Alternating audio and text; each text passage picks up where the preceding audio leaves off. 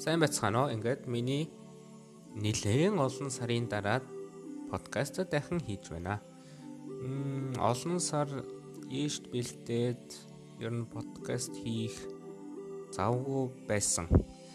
Харин сайхан Монгол банкнаас нэг эсэний уралдаан зохиогоо тэрэнд нэг эсэгээ бичээд явуулаа. Тэгээ тэрний шалгарсан эсэнүүдийг уншаад аа тэгээд энэ тухай подкаст хиймээ санагдлаа.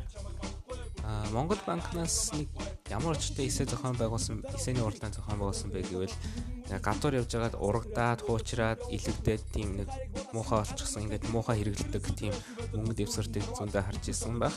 Бас овон мовон дээр тавьсан. Тэгээд ингээд нисээд ингээд яваад урагдаад хаягдаад байж байгаа тиймэрхүү нэг балер мөнгнүүдийн тухай. Балер мөнгнүүд гэхээс илүү тэр мөнгнүүдийг муухай хэрэгэлдэг хүмүүсийн тухай тийм эсэ эсэний уралдаан зохион байгуулсан. Тэгээд нэр нь юу гэвэл халаасанд бус хэтвчэнд овоонд бус хэрэглэн нэртэй. 8 сарын 10-наас 10 сарын 1 хүртэл орон даяар тэгээд нас харгалзахгүй юу ч харгалзахгүй бод. Монгол бас гадаад иргэнч гэсэн бас оролцох боломжтой. Гэхдээ мэдээж монгол хэлээр бичих байсан. Ийм уралдаан зохион байгуулагдаад би бас эсээгээ явуулсан. Гэвч миний эхний гурав шалраагүй. Гэхдээ эхний гурван эсээг уншиж бас өөрийнхөө эсээг ч уншиж байгаа. За тэгээд юун төрөнд би өөрийнхөө эсээг уншээ.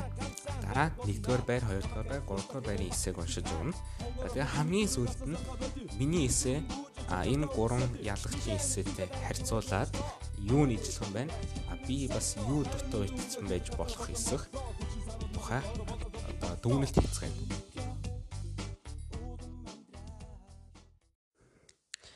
За ингээд миний эсээг бүгдээрээ сонирхцгаая. За оюутан од эрдмийн эсэ. Ширхэг мөнгөн дэвсгэрт бүр үн цэнтэй. Хүн балар эртнээс үнэт чулуу, ургамал, навч, амтны арьс шир эсвэл мах ясаар нь солилцоо хийн арилжаа намайг үүсгэсэн. Өөртөө байгаа зүйлээ хэрэгтэй зүйлээ авах энэ солилцоог төрөмлөлд оруулахын тулд мөнгөн дэвсгэртийг бүтээсэн байдаг. Тухайн дэвсгэрт эсвэл зоосон тодорхой хэмжээг заадаг нь ямар ч бүтээгдэхүүн үйлчилгээг үнэлж чаддаг болгосон. Иймээс бэлэн мөнгө нь улс орны тусгаар тохинол болон олон улсын эдийн засгийн харьцаанд чухал байр эзэлдэг. Хэдэн зуун жил ийм тогтолцоогоор явж байсан нийгэмд нэгэн шин зүйл гарч ирсэн интернет. Цахим банк бэлэн бус мөнгөөр арилжаанд оролцох нь цаасан мөнгийг огцом халсан. Гэвч ямар ч улсад 100% цахим мөнгө ашиглаж байгаа тохиолдол байхгүй. Миний бодлоор бэлэн мөнгө нь цахим мөнгийг бодоход хид хідэн сул талтай ч гарт баригдаж нүдэнд харагддаг болохоор интернет тасархад л ор мөргөө алга болчих боломжтой техник гэсэн тоонуудаас бүтсэн хийсвэр кодноос илүү үнцэнтэй. Гэтэл цаасан дэвсгэртэд манай орныхан арай л хайр гамгүй хандсаар байгааг Монгол банкны олон нийтэд хүргэсэн мэдээлэлээр Монгол мөнгөн дэвсгэртүүдийн дундаж наслалт 3.8 жил байна гэснээс харж болно. Бүтэн парламентын хугацаач хүрэхгүй богино хугацаанд насалж байна. Бохир гараараа барьж хэртүүлнэ. Хааш яаш нь нугалж оригами хийж байх шиг овоон дээр тавьж хээр хөсөр хайна. Хевсэн оныг нь харахад залуухан мөнгөнд дэвсгэрт байтлаа урагдаад хужирчихсан бүр наалтдаг туузаар холбочихсон тийм үнгүтчихсэн мөнгийг харж байсан л үсттэй. Энэ бүхэн чинь гүйлгэнд байгаа дэвсгэртийн тоо үлэмж ихээр багсгаа зогсохгүй. Эдийн засагт олон асуудлыг үүсгэнэ. Хамгийн наад захын жишээ нь дэлгүүрт хариулт мөнгө авч чадахгүй болно. Ядж байхад манай улсын топ 10 аж ахуй нэгж нэгжид ордог номин дэлгүүрийн бүх бараа нь баахан 9 цифрээр төгсдөг. Мөн ширхгээр биш, жингээр нь үнэлдэг ногоо, жимс гэх мэт бараанд заавал тэгш бус үн байдаг. Гэвч хариулт мөнгө өгөхөд хамгийн багта 10 төгрөгийн цэнхэр өнгийн дэвсгэрт одоогор гүйлгэнд байна. Нэг бол дэлгүүр 10-аас доош хэмжээний төгрөг илүү авна, а эсвэл үйлчлүүлэгч илүү хариултмаг авна. Та 10-аас цөөхөн хэдхэн төгрөгөнд одоо ямар хамаа байна гэж бодож байвал үгүй. Үйлчлүүлэгчийн тоогоор хугацаа өнгөрөх тусам тэр баг төгрөгөд нийлсээр том зөрүү үүснэ. Тэглээч манай нэг төгрөг чинь дотроо бүр 100 мөнгөнд хуваагдсан шүү. Уг нь хэдэн жилийн өмнө номин дэлгүүрт үйлчлүүлэхэд хариулт мөнгөнд нь нэг төгрөгийн арслангийн зурагтай улбар шар ногоон дэвцэгтийг өгдөг байсансан. Гэвч Энэ жижиг атлаа чухал хэрэгтэй цаасан дэвсгэрт байхгүй болсон нь овоон дээр баахан баг дэвсгэртээ цацчихдаг. Ганданд бурхан дээрээ өргөл болгоо тавьчихдаг. Халаасандаа хийгээд хайн хайчихдаг бидний л буруу. Европын 18 орны гүйлгээнд олон жил байсаар ирсэн еврог сонирхъя. 1 евро дотроо 100 центтэй тэнцдэг. 1 центээс эхлээд 2 евро хүртэл зоосон хэлбэрээр харин 5 еврогоос цаасан хэлбэрээр байдаг. Дундаж наслалт нь ч 10-аас доошгүй жил. Гэвч өнөө хүртэл хүн болгоно л цахим мөнгө хэрэгэлдэг болсон ч гүйлгээд байсаар байгаа нь Европчууд үргэлж төрүүчэндээ мөнгөө хийж дэвсгэртийг нуулж тоглодоггүй. Зоосыг усан ориглоор руу шиддэгч шөндөө ажилтан тэрийг түүж сайн улсын байгууллагуудад хандивалдагтай холбоотой. Овоон дээр тавьсан мөнгийг энэ жишгээр цуглуулах нь учир дутагдaltaй. Учир нь манай орон тоолоод бар мөгөө олон уулнууруутай тэр болгоно нь овоотой. Дээрээс нь сайлах бороо цаас ихтэй болохоор түүх гисээр байтал нисээд алга болчих нь а эсвэл нороо дурагдаад илэгдчих нь. Бага насны хүүхэдтэй мөнгөний үнцийг мэдрүүлэх, өөрийн гэсэн хадгаламжтай болгохын тулд шилэн сав юмаа гахаа өгөөд бага хэмжээний мөнгийг хадгалуулдаг шиг бид ч гэсэн хариулт мөнгөө хүүхэдтэйгээ хамт олон сараар хадгалж байгаад банкнд тушааж болно дээ. Дараа нь тэр дэвсгэртүүд баг цагцаараа үйлчлэгний байгууллагуудын касс руу хариулт мөнгөнд өгөх зорилгоор л очино. Ингээл гүйлгээнд иргэн орсоор дэвсгэртийн маань тоо цөөрх асуудлаас ангижрах боломжтой гэж би бодлоо. Зарим хүмүүст одоо ч гэсэн За тэгж яах юм бэ? Ямар шал тэнэг юм аа. Шал утгагүй юм гэж бодогдож магадгүй. Аль ч дэвсгэртийг манай улс дотроо хэвлж чаддаг учраас холбооны бүгд найрамд Герман улсад хэвлүүлдэг. Өндөр хамгаалалт доор эрх зардал, үнэт цаасны бэлтгэц, хуурамч мөнгнөөс ялах нэмэлт ялтас өнгө бодог товгор хэвлэлтгээд нэг ширхэг цаасан дэвсгэр болгоно нь машин үнээр хэвлэгддэг бөгөөд хуучирсан дэвсгэртийг устгал оруулахад ч гэсэн өндөр өртөг зарцуулагддаг болохоор нэг ч гэсэн цаасан мөнгө маань үйлгэнээс хасагдахгүйгээр Насжилт нь уртсан улс орны эдийн засагт чухал юм шүү. Ийм учраас улсынхаа тусгаар тогтнолын нэгэн баталгаа болсон ширхэг бүрэн үнцэнтэй хүчрхэг энэ цаасан дөрвөлжин дэвсгэртийг хайрлаж халаасандаа бус хитвчэндээ хадгалж овоонд бус хэрэглээнд байлгацгаая. За одоо бүгдээрээ нэгдүгээр байранд орсон математикийн багш Геланы мөнх зулын Халаасанд бус идэвчэнд овоонд бус хэрэглээнд гарчигтай эсэг уншицгаая. Хүн ямар нэг зүйлийг буруу бодох, мэдэх, үзэх, сонсох нь цөм эндүрэл хэмээн болсол судлалын эрдэмтэн заах аргаж дэ батгахгүй. Эндүрэг сэтгэлгээ буюу Монгол бичгийн тухай эндүү үзлэг шүүмжлэх үг хэмээх эсэнд тайлбарлсан байдаг. Өнөөдөр та бидний амд амжсан яриа Facebook-ийн нийтлүүд нь томчууд бидний зөв ойлголтыг буруу болгож Монгол ардны уламжлалт ёс заншлыг гажуудуулж байна. Тиймээс ирж буй мэдээллүүдийн нэгт тулд шүүлтүүртэй хандах зэрэгцээ шаардлага зайлшгүй тулгарч байгаа юм. Үүний тулд та бидний тархин дах мэдлэг мэдээллийн файлд үнэн зөв бөгөөд олон төрөл байх хэрэгтэй. Энэхүү эсэгээр мөнгөн төвсгэртийг зөв зохистой хэрэглэж үр хөвгтдөд зөв үлгэр дуурайл үзүүлээсээ хэмээн уриалхаас гадна уламжлалт зан үйлээ сануулах зорилгоор бичлээ. 1.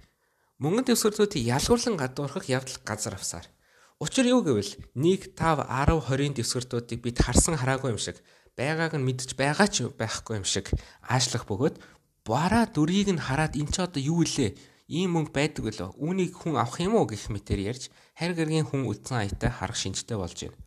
Тэгээд бас болоогүй. Монгол төрийн сүлдтэй цаасан мөнгө нь будаг бих тоос болсон урж тасчих дээр нь үг үсэг бүр захиа тоо бичсэн бүр хуйлагдаж үрчиж нугларсан скотчдож наасан байх нь элбэг. Энэ бүхнийг бид энгийн зүйл мэд хүлээн авсаар байна. Энэ мөнгөнд дэвсгэрдэг төдийгөө улс оронд хохирол учруулж байгаа та бидний хариуцлагагүй буруу зуршил, буруу үйлдэлээс мөнөөс мөн. Мөнгө ярдгсан бол юу гэж хэлэх бол та нар надаар хүмүүний чандман эрдэн болох усыг худалдан авч ууж болно штэ. Бид олуулаа болвол таны ходоод ходоод ходоодонд орох хоногийн хоолж болж чадна. Ах ич нарыг л анхаарат байлгүй биднийг ч бас анхаарал та. Та нар өөр хүүхдээ яаж харьцдаг вэ эцтэй гэж хэлэх бах та. За яжаар энд жоохон уншлагын алдаа гарчлаа. Энэ ходоонд биш ходоонд гэж бичсэн бах юм. Бид олуула болвол таны ходоонд орох хоногийн хоолцож болж чадна. Ах ич нарыг л анхаарат байлгүй биднийг ч бас анхаарал та нар өөр хүүхдээ ялгаж харьцдаггүй бидтэй гэж хэлэх байх та. Манай улс мөнгөнд дэвсгэртэй Франц, Герман, Их Британи зэрэг улсад захиалан хэвлүүлдэг. Монгол банкны мөнгөнд тэмдэг үнэт зүйлийн газрын захирал Сүхбаатар 2015 онд өгсөн ярилцлаганда нэг төгрөг үйлдвэрлэх зардал нь дунджаас 80-аар 70-аас 80 төгрөг бол нэг ширхэг 50000 төгрөг үйлдвэрлэх өртөг нь 150 төгрөг байна гэж байсан. Гадаадад хэвлүүлж байгаа тул тээвэрлэлт хамгаалалтын зардал нэмэгдэхээс гадна төгрөгийн ханшийн уналцч мөн мөнгөн дэвсгэртийг хэвлэх өртөгт нөлөөлнө. Хэлбэр тооцоолол хийж үзвэл 2015 онд долларын ханш ойролцоо 1171 төгрөг харин 2019 онд байдлаар долларын ханш 2657 төгрөгтэй тэнцэж байсан.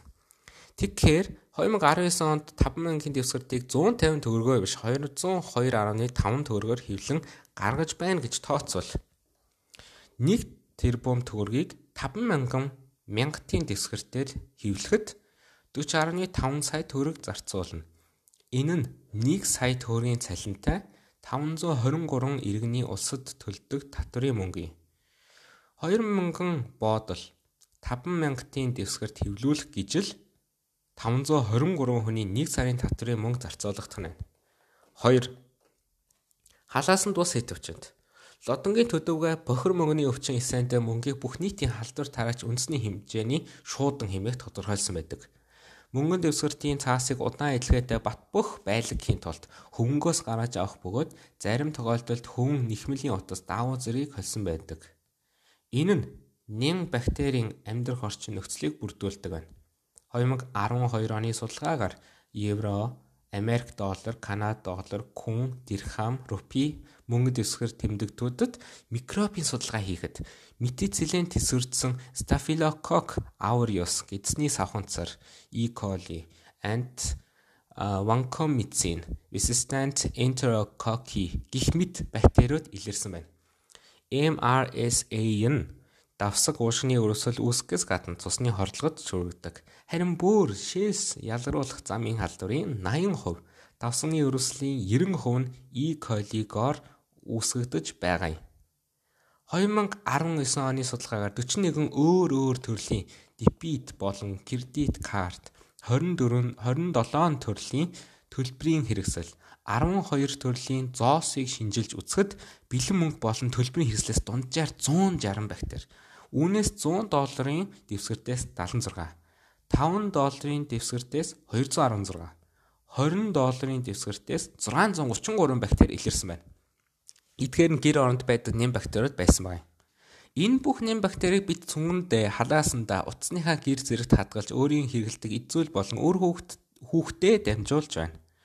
Үүнээс сэргийлэх хамгийн ихний үр дүнтэй арга нь та бэлэн мөнгө болон төлбөрийн хөнгөлөлтийн карт зэрэгт хүрсэн тохиолдолд гараа угаах юм.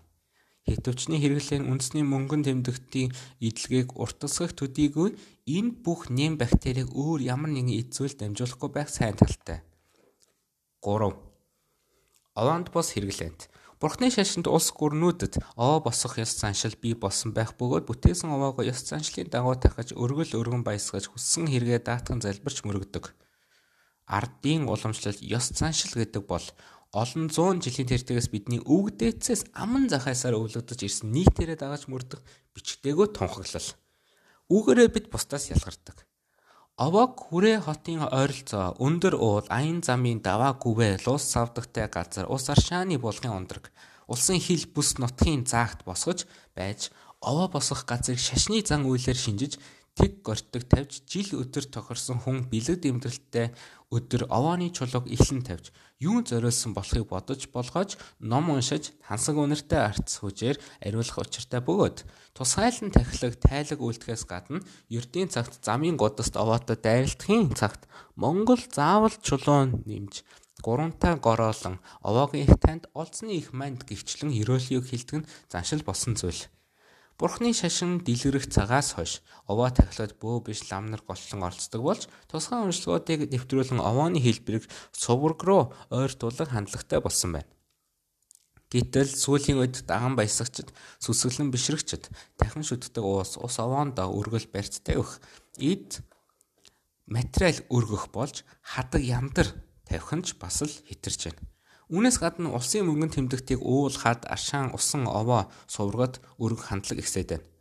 бид өөрсдөө өргөжчлөө буян үйлдчихлээ л гэж бодож өөрийн сэтгэл оюунаа тайвшруулж амьдрал ингээд сайхан болоод ирэх юм шиг санагдаж өөрөөрөө бахархах сэтгэлдээ эзэмдүүлэн баярлаж хөөрж байгаа. Тахилгатай газраас юм авдаггүй гэсэн өвөг дээдсийн бичгтэйгөө аман захаас ардны уламжлалт ёс заншилтай тул нэгэн цагт улсын нэвтрэх эрдэн химээ нэрлэгдэж байсан Монгол төвөрөх та бидний дансанд биш хитвчэнд биш хэрэглээнд бол бүр биш цас бороо шороо шуурга гэд байгаль дэлхийн элдв зан авир ан амтан хорхон шавжны хөлд өргөдөн хөдөө хээр талаар хадан асганд хавчуулагдана, чулуун дарагдана, гууж алаг, шавар шалбаагт хутгалдана, танхимын аргагүй болтлон өнгөгдөж, үзэрч хог болон хөглөрч. Актемч ис эренчин хорлоо. Өлийн овооны тухай цөөн үг нийтлэлтэй. Үндэсний хэв шинж уламжлалт ёсонд мөнгө төгрөг хадгийг хамгийн хүндэт эд зүйл тооцдог байсан. Гэтэл Үүнийг хөдөө хээр өвс мод өргөс тоостой холих явдал үүнээс өмнө огт байгаагүй.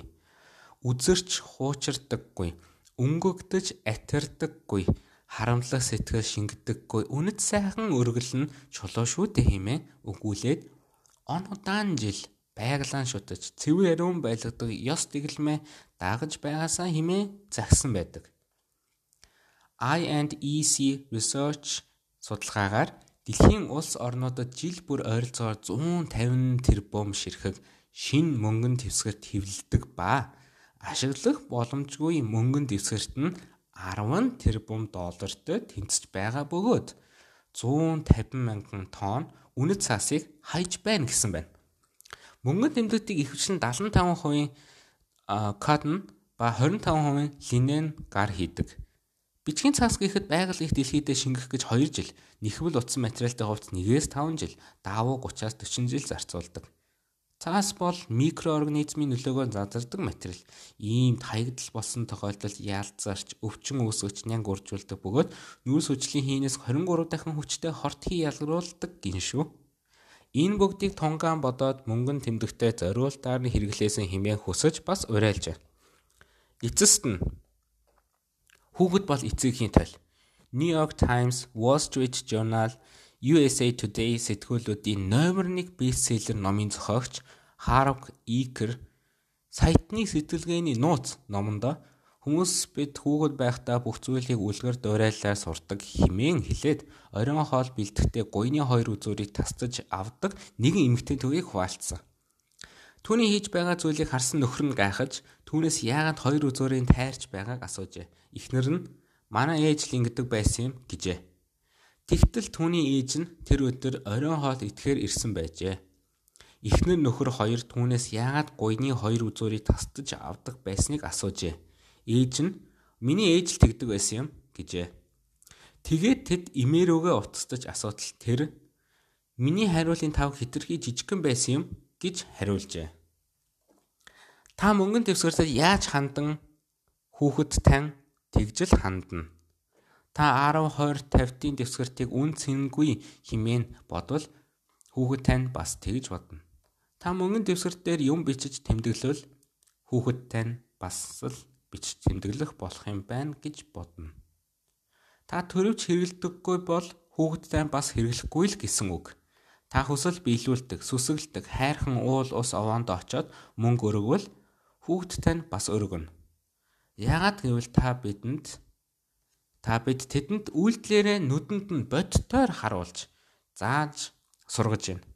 Мөнгө бол зүгээр нэг цаас биш. Үнэт цаас юм. За одоо ингээд хоёрдугаар байранд орсон эсээг сонсож байгаа. Тэр бол хүүхэд залуучуудын хөгжлийн газрын мэрэгчлэлтэн мөнх болрын эсэ. Гарчхан халаасанд бус сэтвчэнд овоонд бус хэрэглээнд.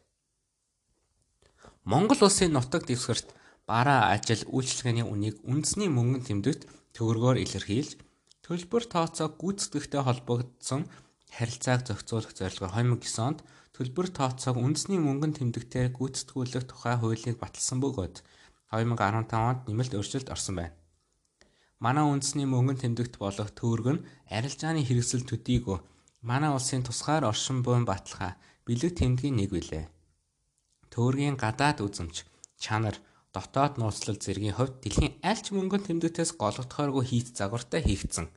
Тиймдээч 2016 онд Их Британи Умард Ирландын Вант улсад байрлах олон улсын мөнгөний судалгааны институтээс зохион байгуулсан олон улсын цаасан мөнгөний тэмцээнээс манай улсын 2013 онд хэвлэгдсэн 20 мянган төгрөгийн цаасан дэвсгэрт загвар хийц нууцлаараа бусад орны мөнгөн тэмдэгтээс шалгарч анх удаага хүрэл медалийн гэрчлэгээ хүргэцэж байсан байна. Гэтэл сүүлийн үед төгрөгийн үнэт зүйл нь алдагдаж байна. Монголчууд бид эртнээс нааш амны хишиг буян заяаг дээдэлж ирсэн арт түмэн. Манай арт түмэн альваа зүйлд арвиж хямгаж байж зүй зохистой идэлж хэрэглэх нь зөвхөн энэ төрөлд бос дараагийн төрөлд хангалуун сайхан амьдрахын нэг үндэс болдог гэж үздэг. Тийм учраас бид олон зуун туршид эц зүйл мал ахуйгаа хайрлан хамгаалж өсгөн аривжуулахыг зорж ирсэн арт түмэн. Монгол түмэн бид төрийн сүлдээ мөнгөн тэмдэгт дээр залж хүндэтгдэг. Тэрхүү хүндлэл ёс заншил утга учир төгөлдөр бүтсэн. Мөнгөн дэвсгэрт маань наранд өнгөө алдаж бороо салхинд урагдаж сэмрэн хээр хөвтгөн харамсмаар түүгээрч үл барам шинээр сувраг босгоход дотор нь мөнгө хийх. Шинээр байшингийн шав тавихтаа нүх ухаж мөнгөн дэвсгэртийг булах албан байгууллагууд цуглаа гэж жижиг мөнгөнд эсвэртийг тараах зэрэг үзэгдэл амьдралын нэг хэвийн хөвшил ёс мэт болжээ. Овоон төргсөн 1 5 10 20 50 100 төгрөгийн дэвсгэртүүд хийсч харгант орооцолтон байх дүр зурагт бид хэдийнэ дасал болж энэ хаанч байдаг үзэгдэл мэт болчихлоо. Европ твд хүртэл эрт дээр үеэс усан сан сүм хідэд задгаан мөнгө шиддэг нь уламжлал мэд тогтоод байна. Энэ бол арт түмний энгийн л нэг шүтлгийн хэлбэр. Гэхдээ энэ байдлыг энгийнээр шийдвэрлэж болох мэт санагдаж байна. Өөрөөр хэлбэл тухайн хэсгийг хариуцдаг сүм, нутаг, орны захиргаанаас тусгайлан хүн томилж мөнгө төгрөгийг ойр ойрхон хугацаатай авч цуглуулж инрэл нэгүсэл харамт халамж амсрамжийн байгууллагад хандуулах хүнд туслах зэрэг сайн үсэд зарцуулж болох юм. Манай улсын хувьд уул овоо хүнээс их хол байдаг. Тийм учраас салхинд хийсч алаг болох цаашлаад илжирч ялзрах гих зэрэг хүндрэл бий. Дэлхийн хэмжээнд мөнгөд эсвэртийн насжилт дунджаар 7.8 жил байдаг бол манай улсын хувьд мөнгөд эсвэртүүдийн дундч наслаж 3.8 жил байна гэсэн судалгааг 2016 онд Монгол банкнаас гарсан байна. Тус судалгаанд хамгийн бага буюу 266 жил насжилттай нь 1000 төгрөг, хамгийн их буюу 564 жилийн насжилттай нь 100000 төгрөг гэж гарсан байна. Үндэсний мөнгөн тэмдэгтийн нас жилтийг урт тусгаж шинэ мөнгөн тэмдэгт хэвлэх зардлыг хэмнэхийн тулд бид өдөр тутамдаа мөнгөн тэмдэгтээ ариг гамтай хэрэглэж хэвших хэрэгтэй. Мөнгөн дэвсгэртийг шинээр хэвлэх устдагд дор хаяж өөрөөсөө 2 3 дахин өндөр үн зарцуулдаг гэдгийг хүмүүст таниулж тэр зардал нь бидний төлсөн тадрын мөнгнөөс зарцуулагдаж үр ашиггүй зардал эдийн засгаасаа гаргаж байна гэдгийг ухуулан таниулах нь зүйтэй. Устгагдж буй мөнгө дэвсгэртийн 75% нь хэртэж бохирдсон. 15% нь нугларч тасарсан. 10%ийг урагдсан дэвсгэртүүд эзэлдэг байна.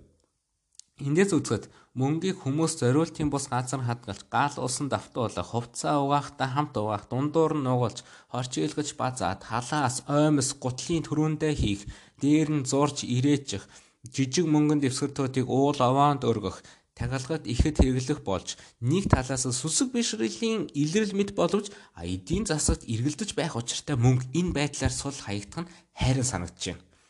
Нөгөө талаас дэлхийн нийтээрээ цар тагаал COVID-19-тэй тэмцэж байгаа энэ үед гараас гарт дамжин хэрэгэлдэг мөнгөний ариун цэвэр бас чухал асуудал юм. Сүүлийн үед хүмүүс цахим мөнгө, мобайл банк, карт ашиглан төлбөр тооцоогоо хийх соёл хөвшиж байгаа нь жижиг мөнгөнд тэмдэгтийг үнгүйдүүлэхгүй төдийгүй мөнгөтэй зүй бус харьцахгүй байх сайн талтай. Дийлгүүр зах худалдааны төвөөр үйлчлүүлж байхдаа ажиж байхад хитвч ашиглаж байгаа хүн их ховор болжээ. Инхэд ихэнхдээ л халааснаас мөнгө гаргаж ирээд тооцоо хийж байгаа харагдана. Ялангуяа хүнс махны зах дээр худалдан авалт хийж байхад тэнд мөнгөний ариун цэвэр гэсэн ойлголт тэг байна.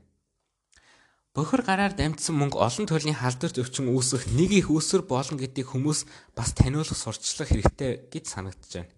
Мэдээд байдаг хэрнээ хүн хэлхээс нааш ухамсарлагдаггүй гэдэгтэй. Бид санхүүгийн боловсрол мөнгөтэй харьцах уламжлал ёс жагийг үр хүүхдтэй багаас нь ойлгож Мөнгөтэй харьцах, арга ухаанд сурах ажлыг шат шатанд зохион байгуулах нь зүйтэй. Түгээн дэлгэрүүлмээр сайн туршлагууд байна. Тухайлбал өнөр бүл хүүхдийн төвд өсч хүмүүжж байгаа хүүхдүүдийн амьдралд хөл тавьтан туслах зорилгоор дотооддоо хэрэглэдэг мөнгийг хүүхдүүд 7 хоног бүр халаасны мөнгө болгон өгч дотроо байдаг дэлгүүрээс худалдан авалт хийлэгдэг. Ингэснээр хүүхдүүд мөнгөтэй харьцаж сурахаас гадна чухал чухал биш зүйлсийг ялгаж эренбэлд сурах давуу талтай. Бүгд найрамд Солонгос улсад хүүхдэд 6 нас буюу сургуульд ороход нь халаасны мөнгө өгч юунд зориулан зарцуулж байгаа, цуглуулж байгааг нь тэмдэглэх дэвтэр өгдөг байна. Хэрв хүүхэд зөв зарцуулалт хийсэн бол халаасных нь мөнгийг нэмж, а дэмий зүйл үрсэн бол хасах арга хэмжээ авдаг байна. Мөн хүүхдийнхээ хөснөөс баг мөнгө өгдөг байна. Энэ нь хорвоод авахыг хүссэн олон зүйл байдаг ч мөнгө хөрөлцөхгүйгээс авч чадахгүй байхыг мэдрүүлэх. Түүнийг авахын тулд хоримтлал үүсгэх, өөрийн хүчээр мөнгө олох боломжийг нээж өгдөг байна. Гэр бүл болж бүртгүүлэхээр ирж байгаа хосуудад санхүүгийн боловсрол олгох багц сургалтад заавал хамруулсны дараа гэрлэлтийн батламжийг олгодог байх зэрэг их зүүн зохицуулалтыг хийж өгөх нь зүйтэй гэж үзэж байна. Учир нь 2019 оны статистик мэдээнээс харахад манай улсад жилд дунджаар 20 мянган хос гэрлэлтэд батлууч 4.3 мянган гэр бүл хуулийн дагуу гэр бүлээ цуцалж салсан байна. Энэ нь өмнөх оныхоос 3.4 функтээр өссөн үзүүлэлттэй байна. Орчин үеийн гэр бүлийн зөрчил, сарлтын шалтгааны 41.4% нь санхүүгийн байдал, 13.9% нь үр зээлээс болсон гэсэн судалгааны дүгнэлт байна. Иргэн бүрийн мөнгө санхугаа удирдах мэдлэгийг дээшлүүлж жижиг мөнгөн твсгэр тэмдэгтэн төлбөр тооцооны хүчин төгөлдөр хэрэгсэл гэдгийг таниулан ойлгох нөлөөллийн соён гэгэрүүлэх олон талд ажлыг зохион байгуулж хүүхдүүдтэй багаас нь мөнгөтэй харьцах хэрэглээний соёлд сургаж хитвч хэрэглүүлж хэвшүүлцгээе. Мөнгөнд соёлтой хандаж хитвч хэрэглэж хэвшиж гээе. За одоо 3 дугаар байрны гутгаар байрны эсээг хүлээн аваарай. Сэтгүүлч улс төр судлаач Батдоржийн Бадам Цэнцгийн эсэ гарчхан 200 150 210 төгрөг. Алив өглөөний хоолоо идээрэй. Өдрийн хоол савлчихсан. Хурдлаарай. Ирж гин гэж игч намайг дуутахад өглөөний 3 цаг л өнгөрч байв. Бурхан минь Энд чи өглөө биш шүн штэ гэж бодогдсон ч ихчтэй төвөг удахгүй хичээн яаран босов. Усныг утлаа бариад ажлын хувцаа үрээд замруу гөөхөд гарын булчин задрах шахам өвдөж хамаг би хөндөрлөнө. Ийм өдөр 14 хоног л үргэлжилсэн.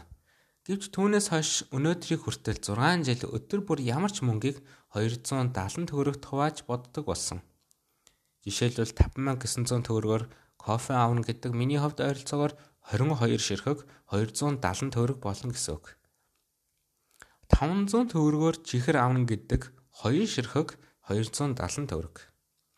Тэр үед ажил хийн гэж догдолж байсан ч анх хаалгыг нь татаад л би бөөлжчихсэн. Учир нь заалны голд нэг давхар байшин шиг харагдах их хэмжээний ямааны арьс овоолчихсан. Шалгаар нь цустай ус урсаад илжирсэн муухан өнөр хамар цоргоож хажуугаар нь сонин өнөртэй хими бод сэнхийн. Бөөн нэвсийсэн хувцастай хүмүүс хоёр тийшээ сүлжилдэж машин тэрэгний түжигнэх чимээ тэртээ санагдчих байв. Үннийг хэлэхэд хорч хүрээгүй хоёр жаахан охины очих газар ажиллах байр биш байлаа. Биднийг ажиллана гэж гуйж байхад танил маань та хоёр чадахгүй гэж хэлсэн ч үнэн юм шиг санагдаж байв. Бушуухан гараад явъя гэж бодсон ч игч маань нуруунд дээр дарж өгч намайг тайвшрууланга анаа ажилчих яа Чи таксидад харьчих уу гэж хэлсэн намайг тэнд үлдээсэн. Учир нь ихч өөрөө буулчих гэж байсан ч тэсч байв. Тэгээд хэрхэн ажлыг заалгав. Овоолсон арснаас аваад өөрийнхөө газарт зөөж аваачна. Бичгэд уншихад амарханч 300 орчим муухан өнөртэй хүнд нойтон ямааны арсыг зөөнө гэдэг хэцүү. Дараа нь арснуудаа дотор талыг нь дээш харуулж дэлгээд хими бодисоор будна. Химийн бодисоо 10 литрийн 2 саваар байн байн зөөн Будсан арьсаа зөв ивхэд дээр дээрээс нь давхарлаад цэгцтэй өрнө. Тим их арьсыг газраар байлгаад байвал дараагийнх нь арьсыг будаж чадахгүй шүү дээ. Химийн бодис нь шингэж арсыг нь зөөлөх хүлтэлх хугацаанд өдрийн цагаа уна. Ингээд л буцаад ажиллаж эхэлнэ. Нөгөө буцсан арьсаа тасралтгүй майжиж зулгааж самарцаар арьснаас үсийг нь салгана. Духанд бурзайсан хөлс нүд рүү урсаж хорсгоно. Тэгсэн ч арчих завгүй. Хамраас хөлс бүнжигнэн доош туслана. Өглөөс ирэхэд хуруунууд бүгд хавдчихсан гарын булчин задрах шахан өвдөн. Нуруу татна. Гэтэл нэг ямааны ярьст ердөө 270 төгрөгийн үнэтэй байв. Зөөж, будаж, өрж, үсийг нь салгах гэж майжиж, зулгааж, самарцны эцэст хоёр ширхэг 100 төгрөг, нэг ширхэг 50 төгрөг, хоёр ширхэг 10 төгрөг авна. Инээдтэй бас гомдолтой юм шиг. Гэвч хамгийн чухал нь 14 хоногийн дараа өглөөний 5 цагаас оройны 12 цаг өнгөртөл тасралтгүй ажиллаад явсан 7506 арсны 2 ширхэг 100, 1 ширхэг 50, 2 ширхэг 10 төгрөг нийлээд 1-р курс, 2-р курсын 2 оюутан охины сургуулийн төлбөр болсон юм. Туслыг хураавал далаа гэж энэ л байх. Тиймээс л 270 төгрөг надад асар их мөнгө шиг санагддаг.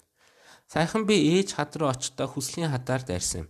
5000 100000 төгрөгийг хаданд нэмгэртэл нь үрж зүлгээд төрөвчөндөө хийнгүүтээ хөдлөхгүй хүүтэн чулуунаас хүслээ гуйгаад 500 мянган төгрөгийг буланд руу юуж болоогүй мэд шидэж орхих хүмүүсийг хараад гайхсан. Энэ үйлдэлээ дагаж хийхийг уриалхад нь үгүй хэмээн татгалцахад хүсэлчин биелэхгүй, ёс мэдтгөө, бие тоосон болоод хувирчихсан. Тэр үед итсэн ч одоо хийсэн үйлдэлтэй харамсахгүй байна. Овоонт мөнгө, чулуунт мөнгө газарт мөнгө өргөх монголчуудын энэ мухаг сүсэрг бишрэл итгэл үнэмшил нь ёс заншил болон дархлагдаж татгалзсан нийгэмдээ таван төрөг бурхнаас харамсан ял тулах хүртлээ хөгжсөн нь харамсалтай. Монгол банкны ОНБМТ-гийн захирал нэг ярилцлаганда Иргэд мөнгийг нуглах, базах, уурж тасдах, юм бичих зэрэг зохисгүй харьцнаас болж гүйлгээндээ хуучирсан, хэрцэн, урагдсан, хамгаалтын элемент нь арилсан гэх мэт дахин ашиглах боломжгүй муу мөнгөнд дэвсгэртийн тоо хэмжээ улам нэмэгдэж байгаа бөгөөд үүнийг устгаж дахин хэвлдэг гэдгийг онцлсон. Бидний ажилч хөдөлмөрлөж олсон мөнгнөөс хөвчлэн өгсөн татвараас л энэ мөнгө гардаг баг. Гэвч Монголд ажил хийгээд татвараа төлдөг хүн цөөн учир бас л ойлгохгүй. Сүсэг бишрэлийн зорилгоор газарт болсон сувраг осгоход хийсэн уул овоонд өргөсөн жижиг дэвсгэртүүд зах зээлд эргэлдэхгүй төгжигдэж устдаж байгаа нь эдийн засаг сөрөг нөлөө үзүүлж дам утгаараа худалдаж авах талханд нь үнийн өсөлт үзүүлэхэд багхан ч гэсэн нөлөөлнө. Эсвэл идэх талхны мөнгөө олж чадхаа болох уу гэдэгт хүргэнэ. Хамгийн амар нь хамгийн аймар нь монголчууд бидэнд 10 төгрөгийн үнцэн гэдэг ойлголтгүй. Нэмэгдсэн ч тоохгүй, алдсан ч тоохгүй. Харин тэр 10 төгрөг нь 10 тэрбумыг бүрдүүлдэг гэдгийг хөдөлмөрлсөн хүн л мэдэрдэг, ойлгодог. Ядуу буурай улс орнуудад цаасан мөнгө 2-оос 3 жил хэрэглэгддэг бол өндөр хөгжилтэй улсад 10-аас 12 жилийн настай байдаг юм гинлээ. Монголчуудыг хөдөлмөрлөж мөнгө олох гэсэн сэтгэлгээнээс илүүтэй чулуунаас гуйгаад хүслээ биелүүлэх гэсэн мөөхөр бодол залхуурлийн дон мөнгөн тэмдэгтийн наслалтыг 3.8 жил болгоод зогсохгүй улсаараа ядуу буурай хөгжүүлэхүү байхад хүчтэй нөлөөлж байгаа гэлтэй. Монголын 3 хүн тутмын нэг нь ядуу бөгөөд сард 45 мянган төгрөг буюу өдрийн 1350 төгрөгөөр үл залгадаг. Гэсэн ч архиталтаараа Аазда тэргүүлдэг. Ажилгүй 3 хүн тутмын 2 нь 40-оос доош насны бие ирүүл ухаан саруул идэрчүүд. Тэд болоогүй 10 төгрөгийг мөнгө гэж тоохгүй.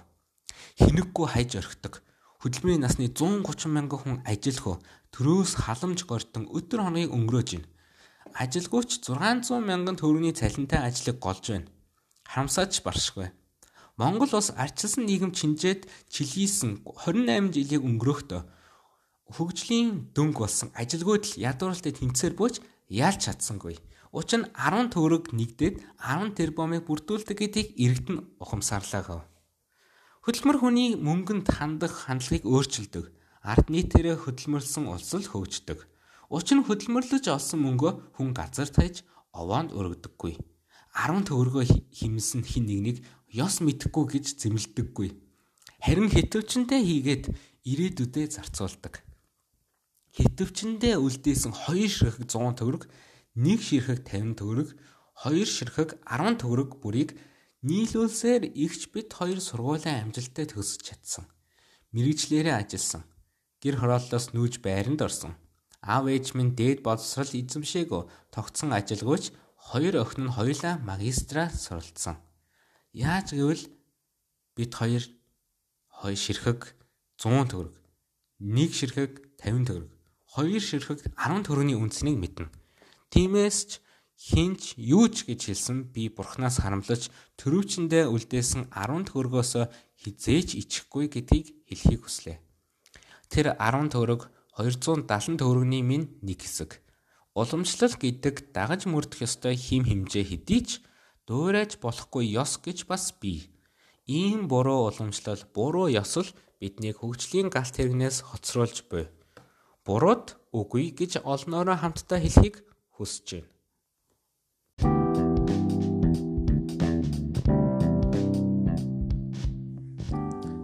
За ингээд эхний гурван байранд орсон эсээг уншлаа. Өөрийнхөө эсээгч бас хамгийн ихэнд уншлаа. За ингээд дөрүүлээл яг ижилхэн зориг ижилхэн санаатай битсэн байгаа нь мэдээж хэрэг байна хамгийн гол нь мөнгө үнцэнтэй мөнгийг хайрлаж хамгаалах ёстой гэсэн гол сэдвтэй. За тэгээд хит хитэн ижилхэн а бас ялгаатай юмнууд бас харагдсан байхаа. Та бүхэн яг шууд дараалаад 4 9 уншаад ялгаануудын айгуу сайн анзаарсан байх. А бас бичдэг хэлбэрийг ч бас анзаарсан байх. За юунд дөрөнд тэгвэл бичдэг хэлбэрийг авч үзье. За миний бичдэг хэлбэр ингээд юм заасан ингээд самбар дээр гараад хүмүүст ингээд ойлгуулад ингэдэг шүү, тэгдэг шүү, ийм байдаг гэсэн тиймэрхүү хэлбэртэй танин мэдгүй бас тайлбарлсан хэлбэртэй гэж би боддتي. А харин 3 дугаар байрны нөгөө арсны тухай 274-ний арсны тухай тэр бол ингээд яг эхлээд хүүрнэлээр эхлүүлээд тэгээд яг нөгөө болсон явдал дээр бодсон тэгээд тэрнээсээ хойш явсан өөрийнхөө одоо туршлагаасаа хуваалцсан тийм хүүрнэлсэн болон тайлбарлсан хосолсон хэм маягаар бичсэн байна. А нэгдүгээр байрны эсэ баримттай а тайлбарлсан болон эргцүүлсэн хоёрыг хослуулан бичсэн а тийм эсэний хэлбэр байна. Харин хоёрдугаар байрны эсэ нь яг хэлбэр нь яг минийхт нэлээд их төстэй байсан. Гэхдээ надаас илүү их баримт ашигласан, илүү их тайлбарлсан одоо хандлагатай байсан. За тэгэхээр хэлбэрийн хувьд бол нэг иймэрхүү дөрөв эсэ байна. За тэгээд дараагийн нэг зүйл нь юу вэ гэвэл найруулгын юм дээр жоохон эхний байрны найруулган дээр жоохон яг ойлгомжгүй хэсэг бас байгаа биз. Би яг яг ямар яаж үтсэн байсан яг тэрүүгээр уншсан. Тэгээд энэ дээр бол нэг хүүхдтэй биш хүүхдтэй юм ихтэй гээд нэг жоохон ойлгомжгүй хэсэг байсан байхаа. Тэгээд хоёрдугаар хэсэг дээр ойлгомжгүй юм нэг байгаагүй. Гэхдээ бас хитрхи нөгөө үг давхцсан үг нуршсан тийм алдаа байх шиг байсан. Яг бол ихний хэсэг дээр баахан Монгол Монгол Монгол гэж явцсан байгаа байх. Би яг тгийж санагдсан. Байнга Монгол Монгол гэж уншаад байх шиг байсан. Тэгэхээр та эргүүлж уншаад Монгол Монгол гэж дахин дахин сонссноо баталж дахиж сонсч болох юм. А 3 дугаар байрны хэсэг дээр бол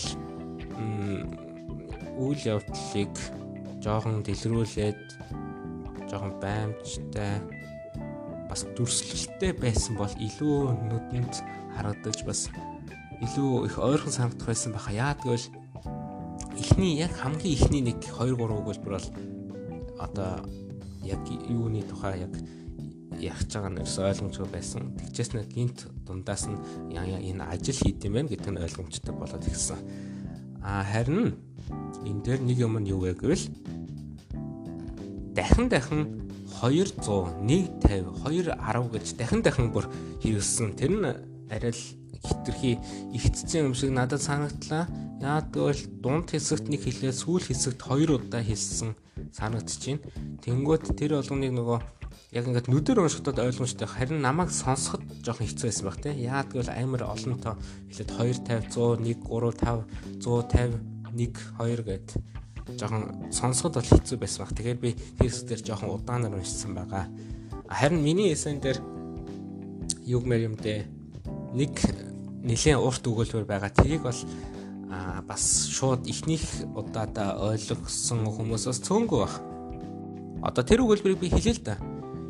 Миний бодлоор бэлэн мөнгө нь цахим мөнгийг бодоход хэд хэдэн сул талтайж гарт баригдаж нүдэнд харагддаг болохоро интернет тасархад л ор мөргөө алга болчих боломжтой техник гэсэн тоонуудаас бүтсэн хийсэр кодноос илүү үн цэнтэй гэсэн ийм нэг айгуу том комплекс өгүүлбэр байгаа. Тэгэхээр энийг хамгийн энийг бол ойлгох хамгийн хураан хураангуйсан хэлбэр нь бол миний бодлоор бэлэн мөнгө нь одоо цахим мөнгөнөөс илүү үнцэнтэй гэсэн үг. Яагаад яагаад юм? Яагаад гэвэл интернет тасархад цахим мөнгө алга болно.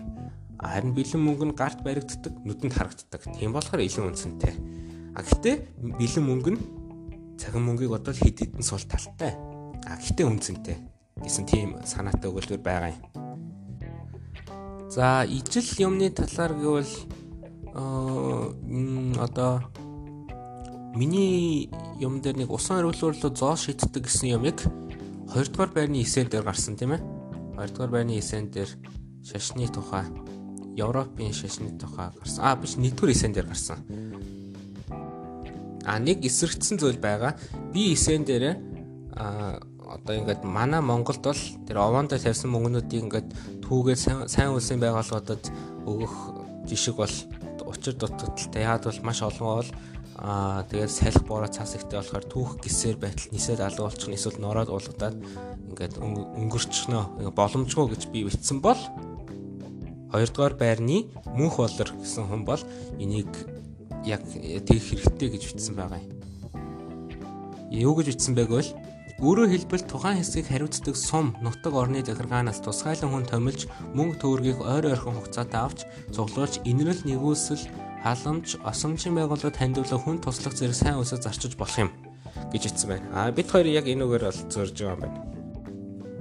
За бас надад ингээд илүү санагдсан зүйл юу вэ гэвэл нэгдүгээр байрны эсэн дээр яг шашны тухай бичсэн хоёр бүтэн цогцлбор надад ямар ч ойлгомжгүй ямар ч хэрэггүй энэ эсентнээс хассан ч утга санаагаа алдахгүй юм шиг санагдсан. Магадгүй зөв өгний тоонд хүрэхгүйгээр ингээд э, шашны юмаа зөв жоохон дэлгэрүүлээд бичиж гэж бодсон юм байлгүй. Одоо тэр шашны юм бол яг шашнаа тайлбарлах нь одоо яг хэрэгтэй юм уу хэрэггүй юм уу бүү мэд. Нар жоохон гол мөнгөнийхөө тухай яриач гэж бас бодогдсон байж магадгүй. Яг би бол яг шашны хэсэг уншихтаа юу шашин бэ? Юу вэ?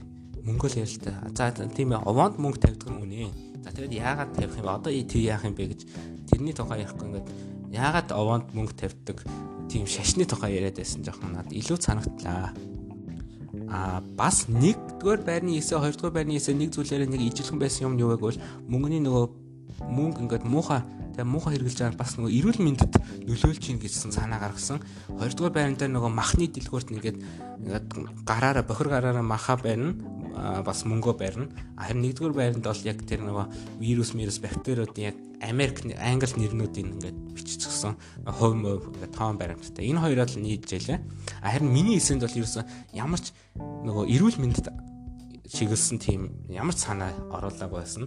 Нэрэл одоо батсан чинь нэрэл бохир мөнгө бас бариад тэр гараа угаахгүй бол бас л хүний эрүүл мэнд одоо айгүй ажилттай шүү дээ. Яг бол жоохон хүмүүс чинь ингээд сургуулийн кванс мод чихэр мэхэр идэхгээл дэлгүүр явж байхад бохир гараараа мөнгө барьчаад тэгээд дараа нь бохир гараараа юм идээд тэгээд эн чинь бас л бас л нэг анхаарах асуудал байна. Тэрийг би ерөөсөө мдээгүй байсан байна. Тэр миний жоохон дутагдал байна. За хоёрдугаар эсэн дээр хоёрдугаар байрны эсэн дээр бас нэг юм юу байсан бэ гэвэл хоёрхан өгүүлбэрээс бүтсэн нэг цогцлбор байсан. Тэр нь манай улсын хувьд уул аваа хүнээс их ол байдаг. Тийм учраас салхинд хийсэж алга болох цаашлаад илзэрч ялцрах гих зэрэг хүндрэл бий. Тэгээд яг ийм нэг хоёрхан өгүүлбэртэй цогцлбор байна. Ер нь бол монгол хэлэнд хоёр болон түүнээс олон өгүүлбэрээр нэг цогцлбор энэ санаа утга санаа илэрхийлнэ гэдэг А гэхдээ манай сургуулийн монгол хэлний багш бол хоёрхан өгүүлбэрээр бид нэр зохицолбор бичсэн байвал их л дургуутсан. Энэ одоо яг бүтэн санаа илэрхийлж чадахгүй гэж үзнэ. А миний хувьд ч гэсэн бас тэгээд санагдлаа. Яг энэ дээр санаа яг мэдгүй нэг жоохон дутагдaltaй юм санагдав. Дахиад нэг 2 3 өгүүлбэр биччихсэн бол илүү дутагт илүү утгатай болох байсан байх. Тэгээд энэ дөрвөн эсэнд байгаа дөрүүлэнд нь маш гоё дуртай байгаа юмны өгөөд бүгдээрээ доголмор ашигласан байна. Баяр хүргэе, баяр хүргэе. Тийм ээ, доголмор ашиглалт юм байна хүмүүс. Ерөнхийдөө ингээд гадуур ингээд яваад эсэнүүдийг харахад ерөөс доголмор ерөөсөө хэрэгэлдэггүй. Газар зөндөө зарим мэдээний сайтнууд хүртэл доголморгоо. Тэгээд тэрийг амар ямар тэнийг юм бэ гэж хардаг байсан чи энэ удаагийн эсэний уралдааны ихний гурван байр гуруула тогломор хэрэгсэн байна. Тийм ээ баяр хүргэе. Үнэхээр бас нэг гоё мэдээ байна. За ингээд өөр дүгнэлтүүдийг та нар өөр өөртөө сая сонсохдоо бодсон байх. А бас дахиж яг ингээд нүдээр унших хүсэж байвал та нар Монгол банкны вебсайт руу ороод тэгээд хамгийн сүүлийн удаагийн мэдээ дээр хэрвээ олон сарын дараа энэ подкастыг сонсож байгаа бол Монгол банк банкнаас одоо саяны халаасандаа бус хэдвчэнд ховоонд бус хэрэглээ гэсэн үг бичээд хайгаад баг гараад ирэндээ ингээд эсрээдэг өөрийн нэтээр уншаад хараад дахиад уншаад тэр нөгөө тоон моонуудыг дахин харах боломжтой. Тийм болохоор энэ подкаст ийн хүрээд өндөрлөж байна. Ингээд надтай хамт дөрвөн эсийг сонирхож бага хэмжээний дүгнэлт хийсэн танд баярлалаа. Баяртай. Нэрээ ингэснээс та нарт бас хэлэхэд та нар мөнгөө яг энэ шиг халаасандаа хийхгүйгээр хитвчэндээ хийгээрээ хүмүүсээ. Эсвэл зүгээр сайхан мөнгө банк хэрэгэл. За, баяртай. Thank you